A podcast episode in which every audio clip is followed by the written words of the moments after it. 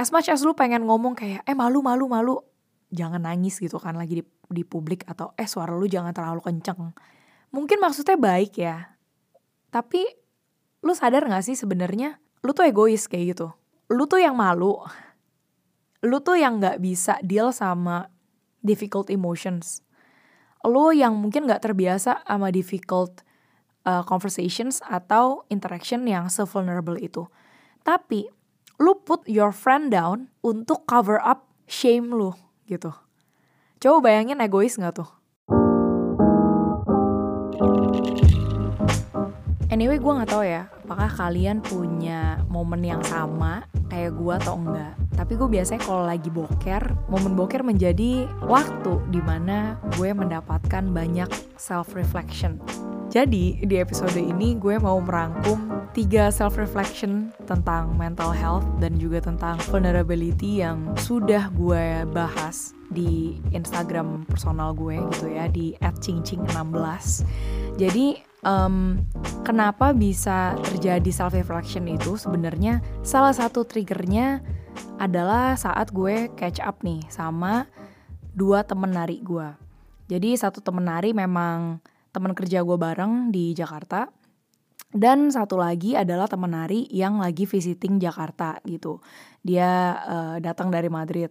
Anyway, singkat cerita, kita kan jadi bergosip ya. Maksudnya kita menjadi barteran cerita-cerita soal komunitas nari, apa aja yang udah berubah sejak gue udah gak di Madrid lagi. Sampai akhirnya gue jadi ceritain tentang salah satu momen pahit gue lah pas ngajar nari di Spanyol.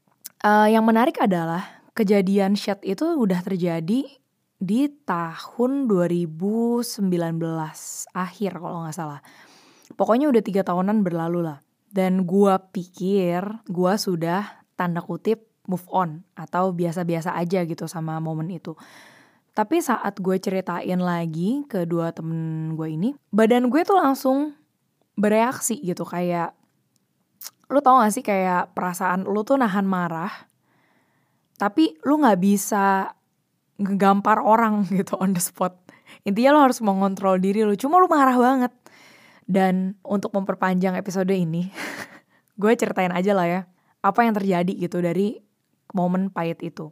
Jadi sebenarnya ada beberapa momen di mana gue disakiti orang yang sampai ternyata bikin gue punya trust issue gitu sama friendship di komunitas nari yang sekarang maksud gue.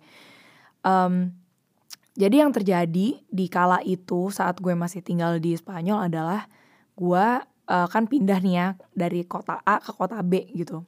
Terus saat gue pindah, gue tuh nggak gitu deket sama komunitas nari di kota B dan di situ gue kan datang ya dengan dengan apa ya dengan agenda yang gue suka nari gue mau ambil any opportunity yang bisa gue ambil apa pun itu as long as gue bisa grow nih secara karir dan juga um, skills nari gue gitu.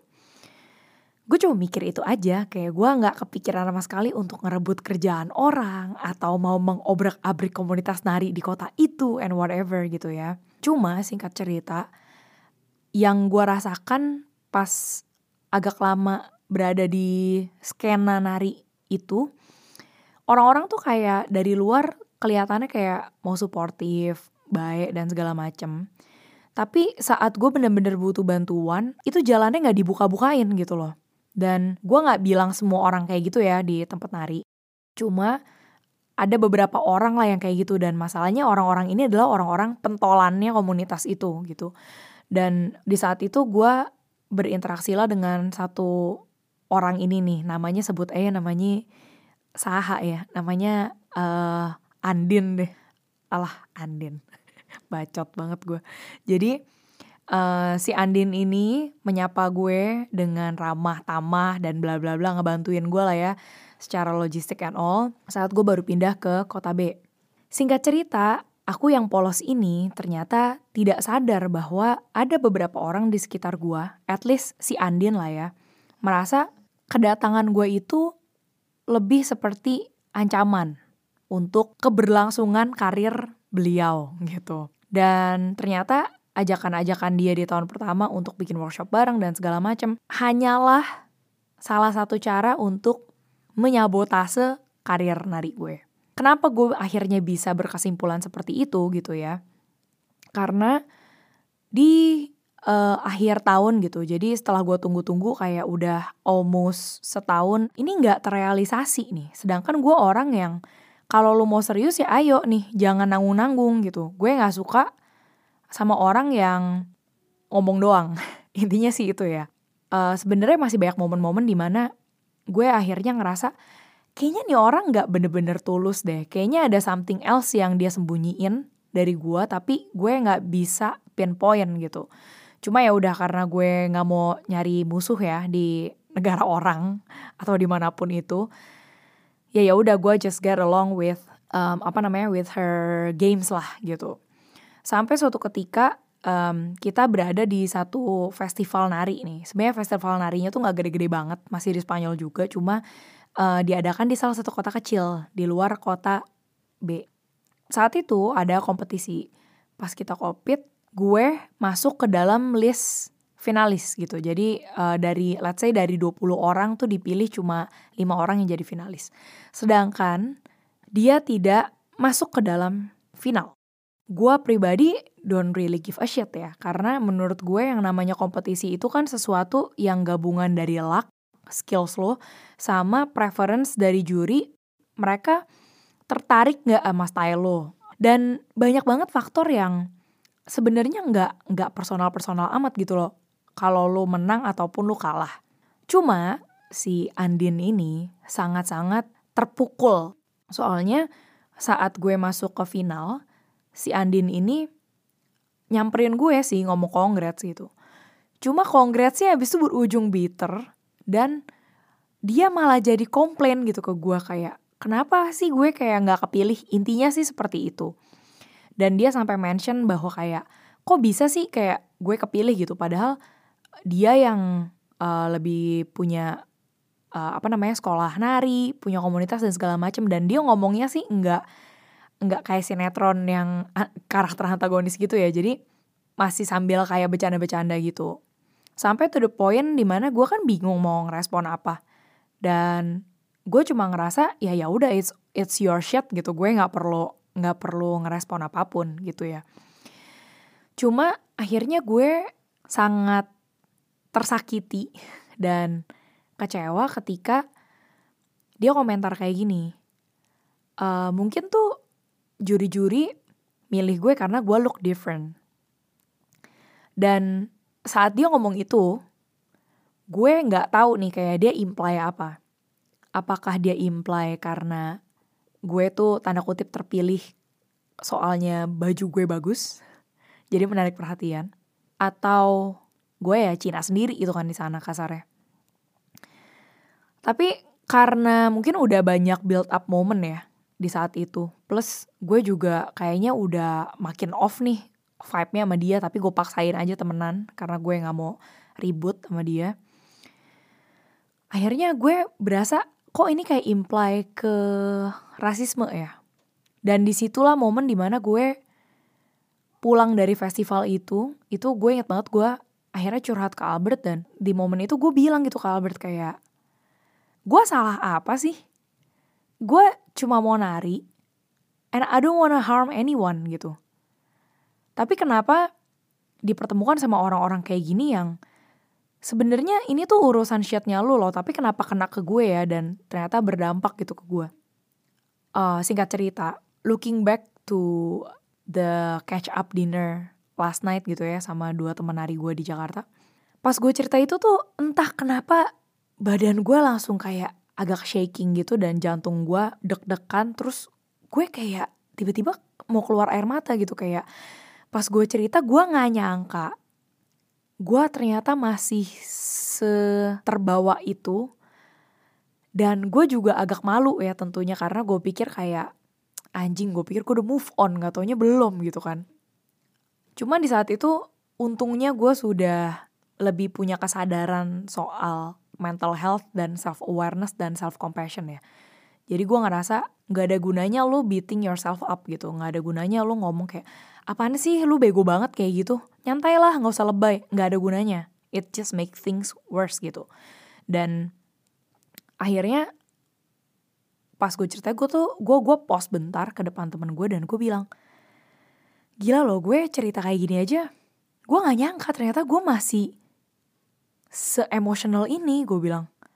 Gue pikir kayak I'm fine tapi nggak taunya pas gue ceritain ini gue tuh kayak pengen nangis kayak gue punya emosi marah yang kependem banget gitu dan momen itu kayak beautiful raw moment banget di mana gue bisa ngeliat diri gue di tiga tahun yang lalu but with a more compassionate perspective gitu loh. Plus dua temen gue itu juga tidak ngejudge ya dan ini tentang respon kedua temen gue itu akan gue masukin ke poin kedua ke poin berikutnya yang akan gue lanjutkan. Cuma to conclude adalah kita semua tuh pasti punya flashback atau trigger atau apa pun yang lu nggak sadar ternyata lu punya atau lu nggak sadar ternyata lu masih ada sisaan-sisaan sakit di sana gitu.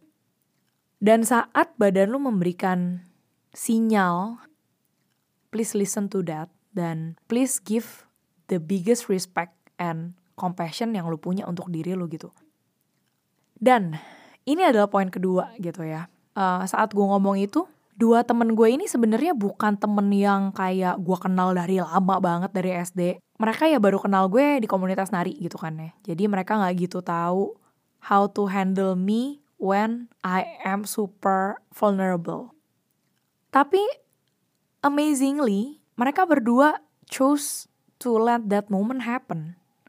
Padahal itu gue lagi di Plaza Senayan, di restoran rembulan, di mana waitersnya lagi seliweran ke sana ke sini dan bisa banget kan maksudnya di ruang publik seperti itu bisa banget kedua teman gue ini mungkin feel uncomfortable and then they say jangan nangis gitu malu in public. Dan gue beberapa kali lah ya pernah breakdown in public dan sering kali orang-orang terdekat gue malah ngomong seperti itu gitu. Instead of kayak dua temen gue ini yang just let that happen just let that emotion flow gitu. Nggak even ngomong apa-apa cuma dengerin cuma senyum dan cuma kayak nodding gitu. Dan it's a rare moment yang lu nggak akan sering-sering lihat especially di social media di mana semua orang kasih lihat bagus-bagusnya doang. So use that precious moment untuk create a deeper connection gitu loh. Karena lu kan nggak pernah tahu ya apakah keluar dari acara dinner itu lu ketabrak mobil dan lu mati gitu. So why waste your time untuk faking emotional atau difficult emotions gitu. It's a normal part of being human gitu. Lu akan ngerasa marah, nangis, sedih, kecewa. Ya udah, it's just part of being human. Makanya di sini gue uh, mengingatkan diri gue dan juga mengingatkan kalian gitu bahwa kalau lu lagi di public terus temen lu lagi ada yang vulnerable kayak gitu gitu ya. As much as lu pengen ngomong kayak eh malu malu malu. Jangan nangis gitu kan lagi di, di publik atau eh suara lu jangan terlalu kenceng. Mungkin maksudnya baik ya. Tapi lu sadar gak sih sebenarnya lu tuh egois kayak gitu? Lu tuh yang malu. Lu tuh yang nggak bisa deal sama difficult emotions. Lu yang mungkin nggak terbiasa sama difficult uh, conversations atau interaction yang se-vulnerable itu. Tapi lu put your friend down untuk cover up shame lu gitu. Coba bayangin egois gak tuh? Padahal temen lu itu yang lebih perlu wadah loh dari banding malunya lu doang. Ngerti kan maksud gue? Dan of course gue juga pasti pernah gak sengaja gituin orang ya ih kalau gue gituin lu mungkin kalau lu dengerin ini ya maaf gitu ya. Gue juga baru menyadari kalau itu goblok. Tapi hopefully you get what I'm saying gitu di sini. Orang yang lagi vulnerable banget dan show vulnerability-nya ke lu itu tuh bukan something yang dia mau loh. Itu tuh something yang mereka juga malu gitu. Cuma dengan lu menambah mereka untuk eh jaga malu lu jaga malu lu it just makes things worse gitu. Dan poin terakhir self reflection yang gue dapatkan dari boker adalah gue kemarin untuk pertama kalinya nge-share tentang isu mental health gue ke Instagram personal gue gitu ya di Instagram story dan gue bilang bahwa um, ya di balik memes gue dan segala macam pasti orang-orang terdekat gue tahu bahwa sebenarnya gue tuh pas lagi awal sampai pertengahan tahun lalu gue tuh beberapa kali suicidal thoughts. Dan suicidal thoughtsnya dikarenakan faktor terbesarnya adalah momen saat bokap gue ya gue bisa bilang itu verbally abusing abusing gue lah ya. Uh, soal decision gue nggak mau punya anak gitu. Saat itu bokap gue pokoknya entah kenapa kayak orang kesurupan ngamuk sampai nunjuk-nunjuk muka gue gitu. Kayak agresif banget. Pokoknya tiba-tiba agresif banget. Nanya kenapa gue nggak mau punya anak? Ini segala macam bla bla bla uh, ditambah dari tahun-tahun sebelumnya tuh udah banyak. Ya gitulah yang menurut gue kayaknya nggak sehat nih hubungan gitu kan. Karena gue berasa kayak most people around my dad enabled him to be like him right now gitu.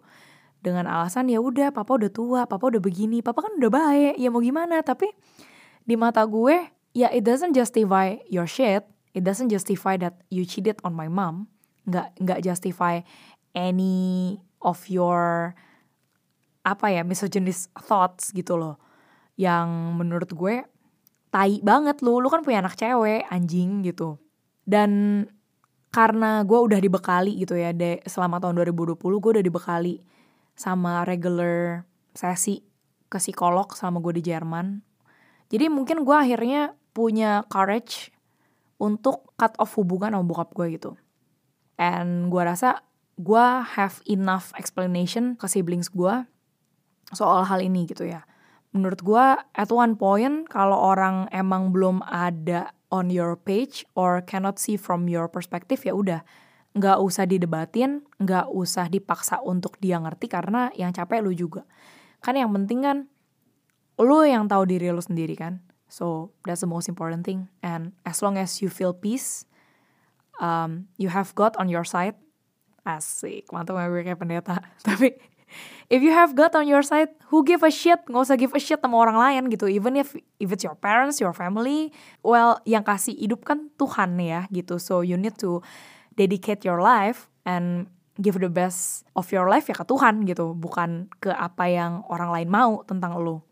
Dan akhirnya uh, gue jadi ceritain juga gitu ke Instagram personal gue bahwa sebetulnya sebelum yang terjadi di tahun lalu, gue tuh udah mendapatkan gejala-gejala dari tubuh bahwa gue kayaknya perlu deh ke psikolog gitu, kayak ada masalah sama mental health gue. Dan tentu aja ya, maksudnya kita kan punya stigma yang cukup negatif soal pergi ke psikolog dan mental health dan segala macam ya. Gue nggak mau dikira gila. Abis itu psikolog tuh mahal dan ya udahlah enggak lah gitu. Sampai akhirnya di tahun 2017 itu gue kena uh, anxiety attack terparah gitu. Jadi uh, sebelum-sebelumnya tuh udah ada beberapa episode anxiety attack Cuma yang ini nih, yang kali ini, yang April 2017 itu tuh yang terparah gitu. Karena gue harus berhadapan langsung sama orang yang men-trigger gue. Jadi orang yang berhadapan sama gue ini, yang triggering this anxiety attack adalah ex dancing partner gue gitu. Jadi kita ngajar bareng-bareng, di saat itu dia kayak jadi mentor gue lah ya. Sayangnya dia manipulatif dan narsisis. Bersamaan juga dengan bos gue yang di saat itu bos gue adalah teman bayanya si orang ini gitu jadi kan nggak helpful ya gue gue kayak ketrap gitu anjing banget gitu kan dan di saat itu tambah gue self esteemnya rendah gue put all my confidence dari approval mereka berdua sampai akhirnya karena itulah gue jadi punya first appointment ever ke psikolog di tahun uh, 2017 bulan April gitu dan ini jadi pintu gerbang pembuka gue akan mental health journey gue. Dan itu akhirnya yang jadi bikin gue look back ke childhood gue gitu kayak ya karena gue emang dari kecil udah di di di label aja kayak ah acing mah nggak sepinter encinya gitu kan kayak ya acing mah bego acing mah ini acing mah itu gitu. Dan gue pikir gue nggak hurt gue pikir gue nggak terimpact secara negatif dari hal itu tapi nggak taunya uh, throughout SMP sampai SMA gue ngeproject itu ke orang lain gitu dari segi bullying. Dan um, sekarang gue udah ada in a better place tapi masih ada sisa-sisa sakit hati atau trauma yang kebawa ternyata sampai gue berada di komunitas nari yang sekarang gitu. Contohnya gue tuh gue tentu defensif sama orang yang kayak langsung mau showing powernya gitu. Padahal gue tahu nih orang tuh insecure as fuck gitu. Kayak lu tuh nari tuh goblok gitu ya kasarnya. Tapi lu mau sok jago. Nah itu tuh gue ke trigger tuh sama orang-orang kayak gitu dan gue mungkin berasanya dulu tuh gue diinjek-injek sekarang nggak ada yang boleh nginjek-injek gue lagi. Nah itu tuh mungkin. Dan gue tuh takut untuk involve more di komunitas nari gue gitu apalagi komunitas yang sekarang. Karena mungkin gue masih takut sama kejadian waktu gue sama si Andin gitu ya di mana gue datang ke sana dengan polosnya gue datang ke suatu komunitas gue cuma mau help as much as I can nggak taunya gue dianggap jadi threat. Dan itu tuh bikin gue sampai sekarang kayak sometimes ya gue berasa kayak kok lu bego sih cing? Kayak kok lu polos banget sih mikir kayak gitu? Kayak udah lo jangan terlalu baik gitu sama orang. Jangan terlalu optimis in life. Dan mungkin itu yang kayak setiap kali gue lagi mau mencoba untuk create a deeper connection di komunitas nari gue yang sekarang gue kayak ketarik lagi dan kebawa ke yang dulu dan mikir cing udah deh kayaknya lu cukup sebatas ngajar aja ya udah being a passive a passive person aja gitu. Kalau lu ditanya jawab. Kalau nggak ditanya nggak usah sok inisiatif. Mungkin itu ya. Gue masih ada ketakutan ketakutan kayak gitu gitu gue takut di komunitas ini gue dianggap kayak threat lagi atau dianggap kayak sotoy atau gimana ya. I don't know. Tapi intinya ya menarik aja sih mental health. Walaupun itu tai kalau lu lagi ngulik-ngulik in your downtime. Dan dari berinteraksi dengan orang-orang yang punya personality senasty itu itu bikin gue kayak questioning sih. Kalau lo cuma di komunitas hobi aja lo seancur itu nge-treat orang sampai lo kayak personally intending to be nasty ke orang. I can only imagine deh how bad your real life is. Kadang tuh orang udah terlalu sibuk mikirin kayak gue mau jadi orang terkaya di dunia gue mau jadi orang yang paling hebat posisinya di dunia. Tapi lu pernah nyadar gak sih keberadaan lu itu tuh gak usah jauh-jauh kayak mikirin ke sana. Lu mikirin aja dari hal terkecil untuk komunitas di mana lu berada lu jadi blessing gak? Itu aja deh gitu. Kayak lu tuh dikangenin orang gak sih kalau lu lagi gak ada? Ya of course gue gak bilang lo harus disukai semua orang ya. Pasti kan ada cocok enggak gitu kan sama orang. Cuma in majority lu tuh make a fun positive impact nggak sih itu ke orang? Apakah kalau lu masuk ke satu ruangan ke komunitas itu orang malah kayak aduh anjing dia datang lagi gitu. Atau orang punya respon yang kayak eh gila akhirnya lu balik lagi gitu ya. Ya itu maksud gue. Nah lu perhatiin deh respon kayak begitu. Kalau lu lebih punya respon yang negatif saat lu berada di satu komunitas gitu ya. Apalagi komunitas hobi. It's a reflection sih. Either you are in the wrong place atau emang lu yang wrong and you need to improve yourself.